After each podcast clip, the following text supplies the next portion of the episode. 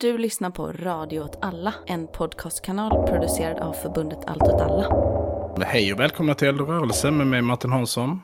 Och med mig Myran Andersson. Idag spelar vi in online. Det gör vi. För jag har maginfluensa. Mm, det är ju tråkigt. Ja, och feber. Jag har ganska mycket feber så att jag, jag har tagit två Alvedon för en halvtimme sedan. Men eh, svamlar jag eller börjar säga helt, då kanske vi klipper bort det å andra sidan. Ja. Men eh, jag mår verkligen ingen vidare. Och om det är du som klipper det här, eh, Myran, så är det så att jag kräks under inspelningen så måste det klippas bort. Verkligen, det ska Ja. vi. Det lovar jag. Du lovar det, ja. Hur har din dag varit? Jo, men min dag har varit helt okej. Jag har varit i plugget och så. Hur har din dag varit? Nej, men förutom den här maginfluensan så, jag vet inte, känns som att det här har börjat liksom ta på en lite. Men Jag har eh, varit, ganska ledsen idag faktiskt. Mm. Hittat på mycket dumma eh, klipp på internet som jag inte... Jag vet inte om det är för att i natt när, jag, när min maginfluensa drog igång så när jag satt där framför toaletten då eh, skrev en av mina närmsta vänner att han hade blivit eh, pappa. Eh, och så eh, fick man se, så man kan ju gratulera dem. Eh, mamman är också en nära vän. Eh, Mm, absolut. grattis. Eh, Grattis. ja. Och så var det någonting med de här liksom eh, nyfött barn-grejen som gör en blödig. Den kan ju inte du riktigt relatera till kanske. Nej, men jag kan ju förstå att ifall du sitter där febrig och är blödig över barn så är det extra jobbigt att kolla på människor som dör på videos på internet. Mm. Så det kanske man bara borde sluta med. Mm, kanske. Det här är ju ett extrainsatt avsnitt, kanske ska säga det. Eh, det här är, eh, vi spelar in första mars. Klockan är strax efter åtta när vi spelar in. Jag vet inte riktigt när det här släpps. Men som alltid så kan ju det vi säger vara rätt utdaterat när, eh, när du lyssnar på det. Men jag tänker att vi ska dra igenom situationen som den är just nu och eh, kanske diskutera lite de frågor som har aktualiserats de senaste dagarna. Nu är det väl trots allt typ två dagar sedan vi spelade in sist. Är det inte så? Jo, Jag tänker att en, en fråga vi nästan kan börja med är väl eh, det svenska stödet.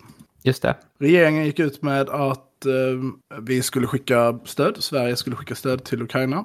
Det förslaget som eh, har lagts fram Och röstats igenom. och röstats igenom ja, omfattar 135 000 fältransoner, 5 000 hjälmar, 5 000 kroppsskydd, 5 000 pansarskott. Och sen ett finansiellt stöd på 500 miljoner kronor till Ukrainas väpnade styrkor. Ja. Ska sägas. Så att liksom stödet är inte till Ukraina generellt, utan det är ett specifikt militärt stöd. Detta var väl samtliga riksdagspartier ganska överens om, Nej. förutom ett. Ja. Och det har varit lite hattande fram och tillbaka om det där. Har du någon koll på debatten? Mm, Alltså, ja, så Vänsterpartiet sa att de skulle rösta nej och sen så röstade många ledamöter nej och fem la nog ner sina röster istället. Och sen så har det mötts med till exempel att före detta partiledaren Jonas Sjöstedt har gått ut och sagt att som en helt vanlig medlem i partiet så tycker jag att det var fel att de borde gjort annorlunda. Och Just det. sen så har väl de kallat in sin vad heter det, verkställande utskott eller något sånt här. Men jag vad, vad, jag har ingen närmare koll på hur det här fungerar, vad som händer efteråt. Man kan inte ångra sig nu, nu har ju den omröstningen varit, men de kanske diskuterar sin linje eller någonting. Som en vänsterpodd så är det väl då kanske extra relevant för oss vad det vänstraste partiet i riksdagen tänker och gör då på något sätt. Mm. Har du någon reflektion? Ja, men jag tycker väl kanske att det är svårt, kanske i själva sakfrågan, så här, ska man skicka vapen till en konflikt så? Eh, men jag tycker att det förslaget de kom fram till och hur de motiverade sitt beslut som var att vi vill ge mer pengar direkt istället är ju lite konstigt och Det känns lite- det. känns ju som att man tvår sina händer då och säger Mm. så här. De ska köpa vapen för pengarna själva. Då blir det inte mindre vapen i ko- konfliktzonen. Det är bara att man själv inte är ansvarig på något sätt då. Att man liksom vill... Det är lite fegt känns det som. Att så här, vi vill göra det här men inte stå för det på något sätt. Eh, och det, tycker, det tycker jag är ett konstigt ställningstagande liksom. Antingen så säger man ju så, okej, vi vill eh, skicka de här 135 000 fältransonerna, 5 000 hjälmar, 5 000 krupp, bla bla bla.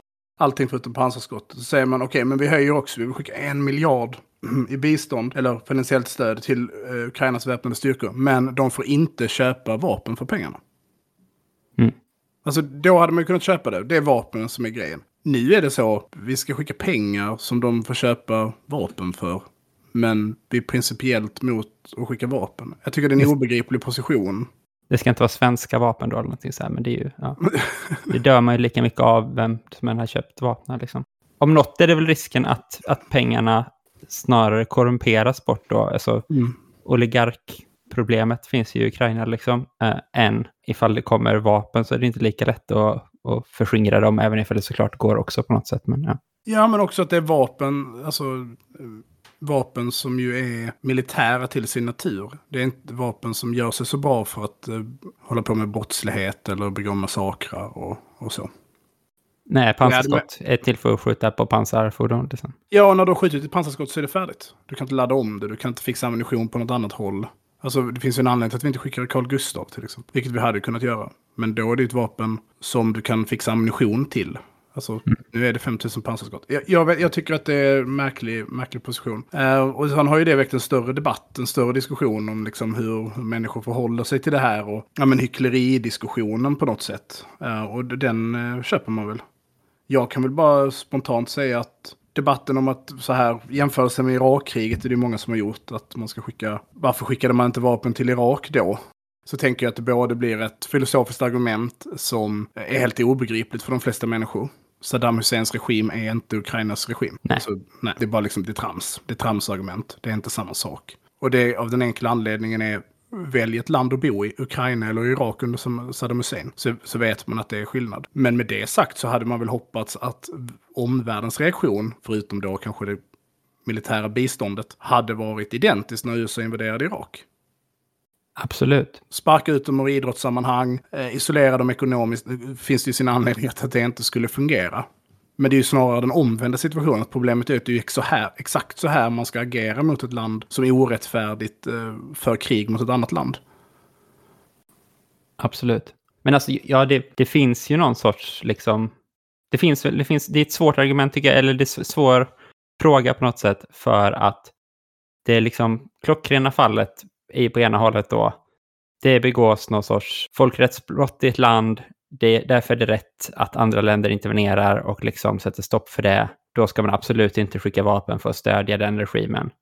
Och i andra änden så är det, det finns en liksom rättfärdig, vad ska man säga, det finns ett rättfärdigt eh, styre av ett land eller ett område eller någonting. De är vänster precis som vi. Vi har liksom kontakter där på något sätt. Vi vet vad de här grupperna går för. De blir invaderade av en diktatur. Självklart ska vi stödja dem även med vapen. Liksom. Alltså, Mm. Man kan se de två polerna liksom. Och Ukraina faller ju inte i något av de kategorierna, utan det, det, det var ju en korrupt stat liksom på många sätt med olika oligarker som har premierat på makten. Kanske mindre så med den här då komikern som har blivit president nu. Liksom. Men, men det är ju samtidigt inte någon diktatur. Liksom. Så då tycker jag absolut man kan ha en diskussion om att fråga sig, liksom, är det här rimligt att de får vapen? Men samtidigt så blir det också lite så här, varför ska vi sitta och fundera på exakt hur den svenska staten fungerar i det här utrikespolitiska sammanhanget när det inte liksom är upp till oss. Eller så. Vi är ju inte i Vänsterpartiet. Vi sitter ju inte och röstar om det här i riksdagen. Vi kanske inte måste komma på svaret på frågan. Så liksom, utan vi har ju andra sätt att eh, liksom förhålla oss där vi mer kan agera konkret. Som att man kan stödja vänstergrupper i Ukraina här och nu. Liksom. Det är kanske det man kan fokusera på då. Det blir ju också en principfråga. Eh, Alltså inte för att du och jag har någon makt i den här frågan.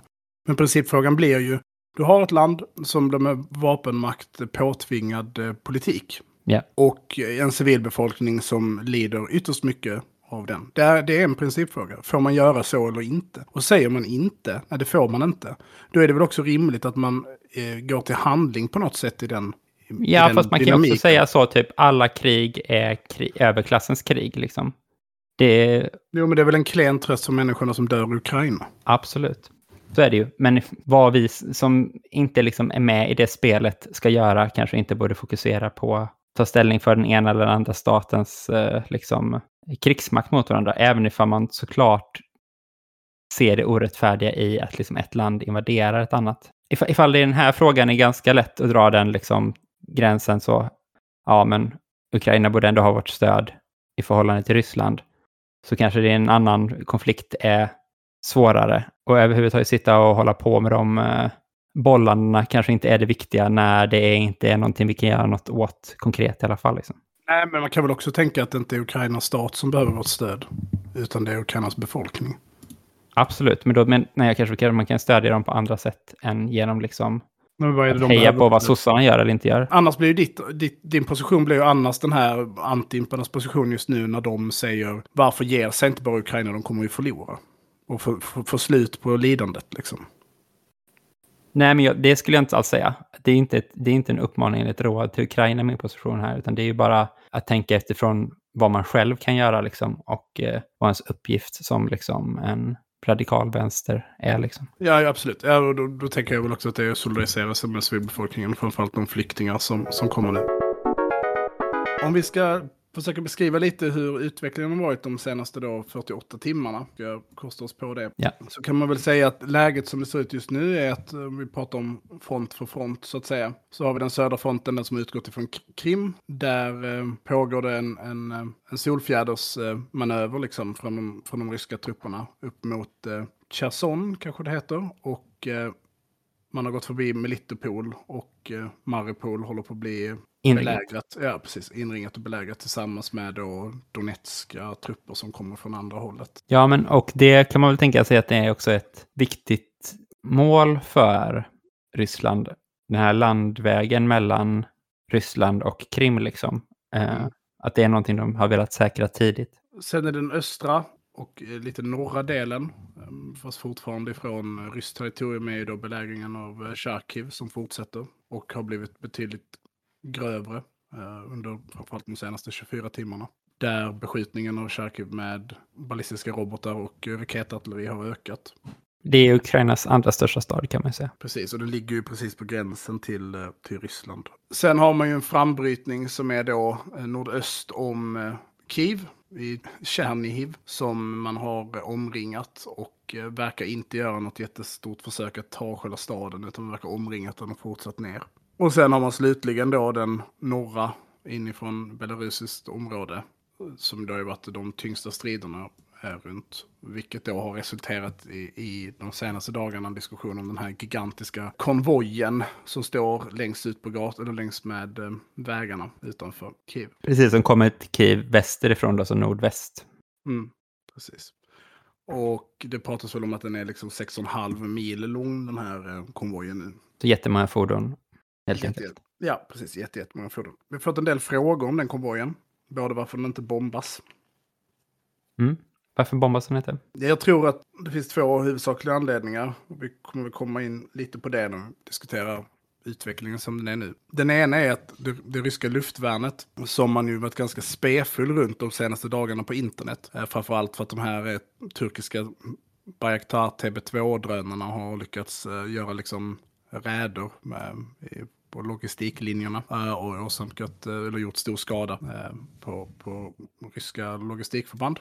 Men Ryssland har ett väldigt stort och effektivt luftvärn. Det verkar som att det luftvärnet bara har varit aktiv i de liksom främre spjutspetsarna. Så därför har man kunnat skicka drönarna på liksom då logistik och eh, tross liksom Mm. Konvojer på något sätt. Påfyllnad. Och de här Roskvardia då som anlänt efter liksom. Och jag tror att runt den här konvojen så finns det ett lager av luftvärn. Alltså luftvärn fungerar ju så att du vill ha olika typer av luftvärn täcker liksom olika delar och tvingar fienden att förhålla sig på olika sätt. Eh, Alltså vissa är står- kort distans och vissa är lång distans. Vissa tar det som har liksom smugit närmare ut med marken och andra höghöjdsbombningar och sådana saker. Mm. Och det gör ju att de olika systemen tvingar fienden att flyga på ett särskilt sätt. Uh, behöver inte gå in i det detalj. Jag tror att Ukraina har väldigt få MiG-29 kvar och Sukhoi 25 och är väldigt försiktiga med att eh, inte förlora dem. Och jag tror att Det är alltså två flygplansmodeller. Ja, förlåt. Och jag tror att, eh, att försöka bomba den här konvojen är ett eh, säkert sätt att förlora lite flygplan. Det är den ena dimensionen. Den andra är ju då, men varför beskjuter de inte det med, med raketartilleri eller så? Och jag tror, och det, här är verkligen en spekulation, men jag tror att den här konvojen utgör en central bit i de förhandlingar som pågår. Okej. Jag tror att Ryssland har, blivit, har liksom sagt att under förhandlingarna så avstår de från att eh, påbörja invasionen av Kiev. Eh, och istället har man liksom skurit av den och nu eh, används den liksom som ett, som ett tryck. Och skulle då Ukraina börja angripa den här konvojen ordentligt så skulle det också ge en förevändning för Ryssland att, eh, att liksom aktivera. Ja. Eh, Det skulle jag tro om den konvojen. Okej, det skulle jag säga är läget just nu. Om man... Mm, ska, ska vi prata om varför vi har hamnat där vi har hamnat då rent så här? Varför? Eh, Går det så här? Ja, precis. Varför går kriget så här? Inte politiskt och så, utan rent militärt på något sätt. Liksom. För det man har sett är väl just det här, dels då kanske oväntade ryska förluster och eh, att de inte använder sitt eget flyg och så, så mycket som man hade kunnat tro, som man hade förutspått. Många olika teorier, eller ofta ganska liknande, men ändå många förklaringar. Och vissa har varit väldigt självsäkra och andra har väl kanske varit lite mer öppna till vad de tror det handlar om. Men vad, vad, vad säger du? Jag tror att det är så här, att det är en kombination av flera faktorer som har gjort att invasionen har eh, inte gått riktigt som den är tänkt. Och det ska jag säga med en viss brasklapp. Alltså, den har ju, Eh, Ryssland tar mark, de rör sig systematiskt liksom framåt i, i, i någon mening. De har omringat Ukrainas eh, näst största stad och till viss del och säkert nu också Ukrainas största stad och huvudstad. Däremot så har de tagit väldigt många onödiga förluster. Eh, Framför allt så verkar det vara som att de har övergivit väldigt stora mängder krigsmateriel. Och stora mängder så kanske ändå pratar om en, ja, en 50-60 kanske bekräftade stridsvagnar till exempel. Eh, som har hittats övergivna och utskjutna. Ja, och Varför då kan man då? tänka sig att det är fler som inte är bekräftade. Liksom. Mm. Och varför har det då blivit så här? Det känns ju så, för det första som ett ämne för ett helt avsnitt. Så vi ska väl inte fastna i det fullständigt. Men om jag ska försöka mig på en förklaring så tror jag att det som har hänt är att det har skett stora, stora brister i deras command and control, alltså deras förmåga att samordna och leda sina trupper. Det har varit ett resultat av flera olika saker. En viktig faktor i det här har varit att man inte har varit ärlig gentemot sin personal, sina trupper, vad det är för något man ska göra. Alltså att under uppbyggnaden till det här så var det så här, men det här är en övning, det här är en övning, det här är en övning. Och sen eh, när det väl bestämdes att man skulle gå in så fick man den informationen säkert bara timmar eller till och med kanske under tiden det hände. Vilket gjorde att trupperna inte riktigt var förberedda på att de nu skulle gå in i liksom en, en, stridssituation. Det kombinerat med att det också saknas stora, alltså att det saknas rent enkelt kommunikationsutrustning. Att det inte är så frekvent eh, tillgängligt som man har tänkt. Och man får ju läsa ganska, jag läser ganska märkliga berättelser som, som handlar om att man liksom eh, ja, får eh, använda mm, Vanliga mobiltelefoner och vanliga civila komradios, va? Ja, precis. Över okrypterade kommunikationskanaler. Vilket gör att man blir, blir väldigt känslig. Sen har ju då heller inte den här strukturen, den här BTG-strukturen, Battalion Tactical Group, som man ju då har övat på sen kanske 2009 ungefär. Den har ju aldrig testats på riktigt. Och visade sig väl inte riktigt fungera och man, man, eh, man var inte så samövad som man hade tänkt sig. Så att effekten blev att man i princip gjorde vad man kallar liksom för thunder runs, alltså att väldigt aggressiva eh, förflyttningar framåt Eh, i hopp om att nästan undvika strid. Alltså bara manövrera ut sin fiende, eh, tvinga den att ge sig, eh, kanske skära av trupper och liksom isolera dem. Och tanken kanske också att de ska fly när det kommer jättemycket stridsvagnar rullande bara liksom. Mm. Och på grund av liksom terrängen så har man också eh, mycket lera så har man varit ganska bunden till vägnätet. Vilket har gjort att man inte riktigt effektivt har kunnat eh, försvara sig i de situationer när man blivit överfallen. Alltså Jag det är tror- lätt att bli utsatt för vanliga eldöverfall på något sätt. Att någon kan bara lägga sig längre fram på vägen för de vet att man kommer åka på den sträckan liksom. Precis. Och det kombinerat med att man, att man har haft, jag tror att man har haft en väldigt, eh, soldaterna har inte varit särskilt stridsmotiverade och man har också haft ganska starka order på att inte liksom eh, åsamka stora civila förluster till exempel eller förstöra infrastruktur och liknande. Och en propaganda från sin egen sida där man liksom förväntade sig kanske mm, inte en resning men i alla fall mycket stöd från civilbefolkningen. Vilket ju då inte riktigt har blivit fallet utan tvärtom så verkar det ju vara som att Ukraina biter tillbaka ganska, ganska hårt. Så att när man genomförde de här väldigt snabba förflyttningarna längs vägnätet så hann logistiken inte med. Och de, i praktiken så blev det ganska små enheter. De kunde röra sig framåt. Ja. Ja, och så fick agera väldigt autonomt. Och de gjorde ju då också att fienden, deras fiende, alltså Ukraina, kunde få lokalt övertag och bekämpa dem. Men också gjorde det att man, på grund av de hastigheterna man förflyttade sig i, så saknade man bränsle till exempel. Eh, efter ett tag. Och det fanns inget, på grund av den bristande kommunikationen så var det också svårt att upprätthålla den logistiken. Jag tror att det kommer att visa sig att det var ett stort logistiskt misstag man begick. Det är väl också en sanning man ofta hör att krig är liksom mer logistik än vad det är strid på något sätt nästan. Ja. Amatörer pratar taktik, proffs pratar logistik som man brukar säga. Och, och jag tror att det är det man kommer, kommer visa sig. Att eh, man både inte har varit tränad, tillräckligt tränad, man har inte, liksom, eh, man har inte heller uppfattat riktigt vart frontlinjerna har gått någonstans. Så att man har ryckt fram väldigt aggressivt och då kanske till exempel lämnat sitt luftvärnsparaply, som man inte har haft luftvärn runt sig, vilket gjort att drönare har kunnat slå ut den. Eh, eller så har man eh, liksom andra delar av eh, strukturen inte varit skyddad. Och För bara där- fronten har varit det. Mm.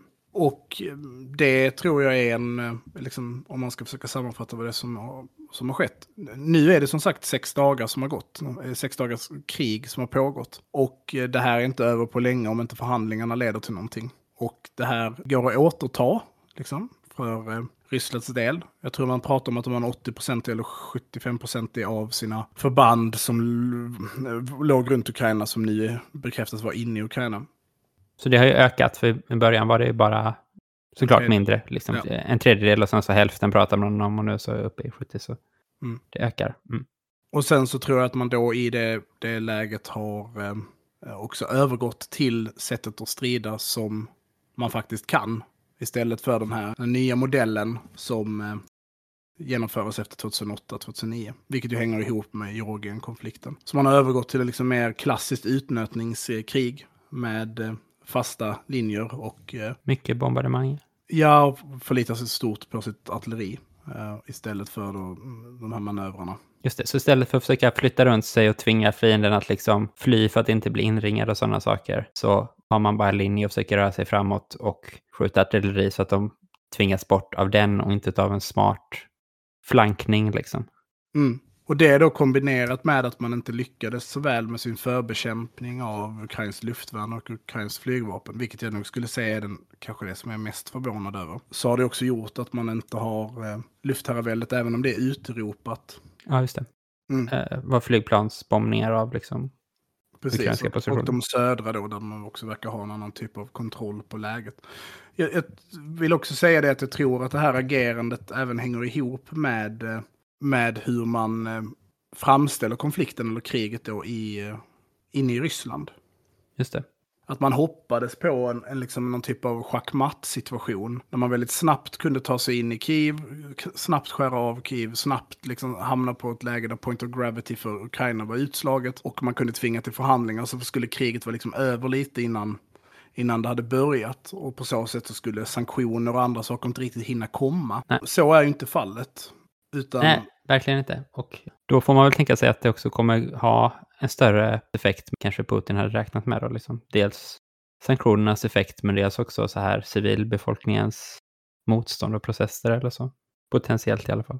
Nej men precis, och när den här då har tagit längre tid så är det också skapat möjlighet för opinion i, inne i Ryssland.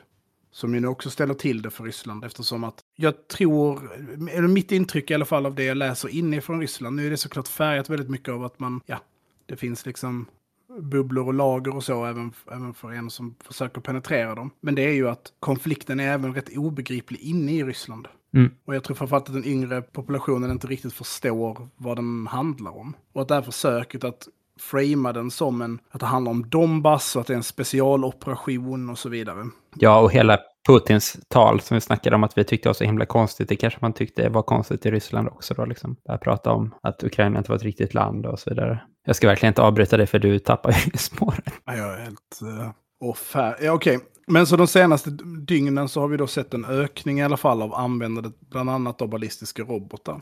Framförallt mot Kharkiv där man gör en ganska hårda angrepp på, på, på staden. Och ganska urskillningslösa. Eh, klustervapen levererade av BM30, alltså det man då på svenska säger som substridsdelar. Eh, verkar också användas ganska frekvent, vilket ju är vedervärdigt. Det som gör det lite obegripligt är ju att man beskjuter ju fiendens positioner för att kunna rycka fram. Men det som tycks hända nu är att man beskjuter fiendens positioner men man rycker inte fram. Och då skulle jag säga att det snarare rör sig om någon typ av terrorbombning.